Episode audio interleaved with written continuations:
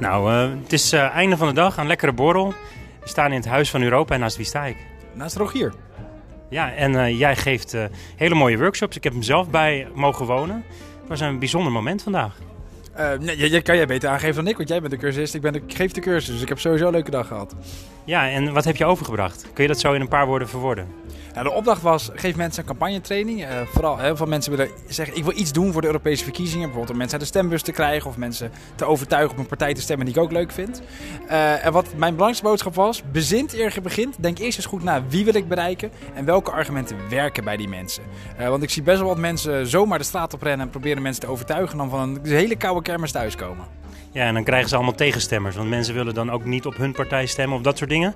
Uh, nou ja, iedereen heeft zijn eigen keuzes waar ze voor kiezen. Uh, ik zelf ben heel erg bezig met dierenrechten, mensenrechten, ook uh, de natuur- en milieubewustzijn. maar wat voor mensen kom je vandaag tegen?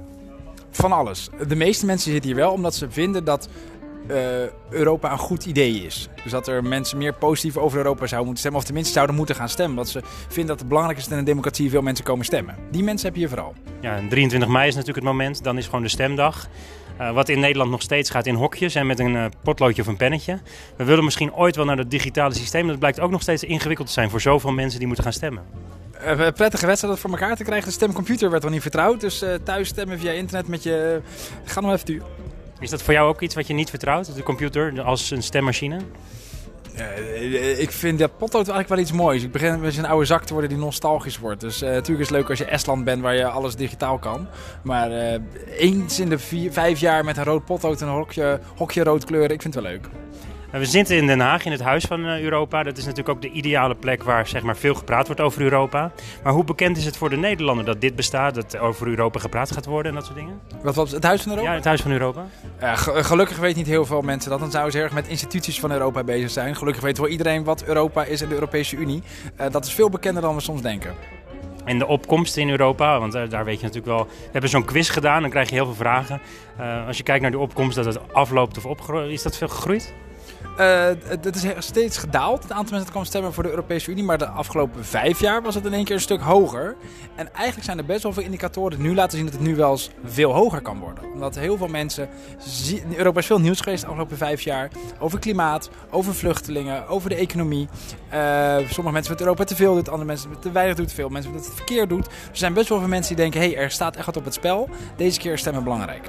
Nog even over het Huis van Europa, want er is hier een hele mooie zaal waar we nu in staan. Daar hebben wij de pitch uh, leren ja, doen, oefenen. Een keertje gewoon meemaken en beseffen wat je voor pitch ook wil maken.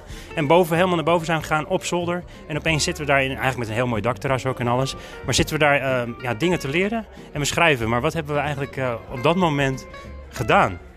Als het goed is, heeft iedereen die zegt ik wil iets met campagne voeren, uh, is bezig geweest om zijn eigen campagneplan te maken. En te zorgen dat hij een, een, een zo effectief mogelijk besteden tijd gaat hebben. En nog zo leuk mogelijk ook. Maar je komt allemaal verschillende ideeën tegen. Is dat heel ver uit elkaar liggend? Nee, bijna alle mensen, heel veel mensen richten zich op mensen in hun eigen omgeving. Dus heel veel jongeren zeggen ik wil andere jongeren een stembus krijgen. Mensen zijn een beetje gefrustreerd dat mensen denken, die lijken hele normale mensen, maar ze gaan misschien niet stemmen. Uh, en die willen ze allemaal een stembus krijgen. Sommigen zijn wel wat uh, uh, realistischer in wat gaat werken dan anderen. Wat ik erg kon waarderen is dat je een aantal video's liet zien. En ook een van die video's die in Hollywood was opgenomen met allemaal acteurs. En er wordt gezegd, don't vote, don't vote, don't vote, don't vote. En door dat een paar keer te horen, dan denk je op een gegeven moment, hoe belachelijk is dit? Ja, dus als je goed uh, uh, ironie, uh, humor en rolmodellen, het zijn gewoon een aantal dingen die heel goed werken. En over dat filmpje was gewoon goed nagedacht, wat werkt nou? En dat is nog goed uitgevoerd ook. Maak je zelf wel eens een filmpje? regelmatig, ja. Dan Europees... omtrent Europees? Ja, in het Europees Parlement interview ik Europarlementariërs regelmatig. Ook om op die manier te laten zien dat het Europees Parlement een veel normaler parlement is dan we soms denken. Als je reportage uit de Tweede Kamer ziet, zie je altijd een Tweede Kamer dat ergens voor is en een Tweede Kamer dat ergens tegen is. Als je Euro het Europarlementariërs in beeld ziet, als het al gebeurt, dan zie je vaak één iemand die als een soort expert optreedt of een soort ombudsman. Super suf. Zet twee Europarlementariërs met fundamenteel verschillende meningen tegenover elkaar. Dan laat je zien dat het Europese parlement een gewoon parlement is. Sterker nog, veel spannender dan die saaie Tweede Kamer. Ja, maar veel mensen weten ook niet eens dat er zelfs een Straatsburg en een Brussel is. Dat, veel mensen weten nog heel veel niks. Niet belangrijk. Hoe het werkt, hoeven mensen niet te weten. Als je mensen bij de Tweede Kamer komen stemmen en een testje afneemt, weet je wat het verschil is tussen Tweede Kamer, Eerste Kamer, regering enzovoort. Ze hebben geen idee. Dat maakt niet uit. Mensen snappen de essentie namelijk wel. Je stemt op iemand die die ideeën heeft die jij ook hebt. En als je de- een partij uitzoekt, die gaat dan voor jou zorgen dat dat de werkelijkheid wordt. Dat is genoeg om te weten. We vermoeien mensen zoveel met allemaal feitjes over de instituties en het verdrag van dit en de geschiedenis van de, van de EU. Het, echt het probleem is niet dat mensen te weinig kennis hebben over hoe het werkt. Mensen weten voldoende. Jij stemt toch ook 23 mei? Eh, dat hou ik lekker voor mezelf. Maar ik ga in elk geval wel stemmen natuurlijk. Ja, ik hoef niet te weten wat je stemt. Ik voel een beetje een kleur, maar dat maakt ook helemaal niet uit. Ik wens je heel veel Ik hoop dat succes. ik mijn kleur goed heb kunnen verbergen vandaag.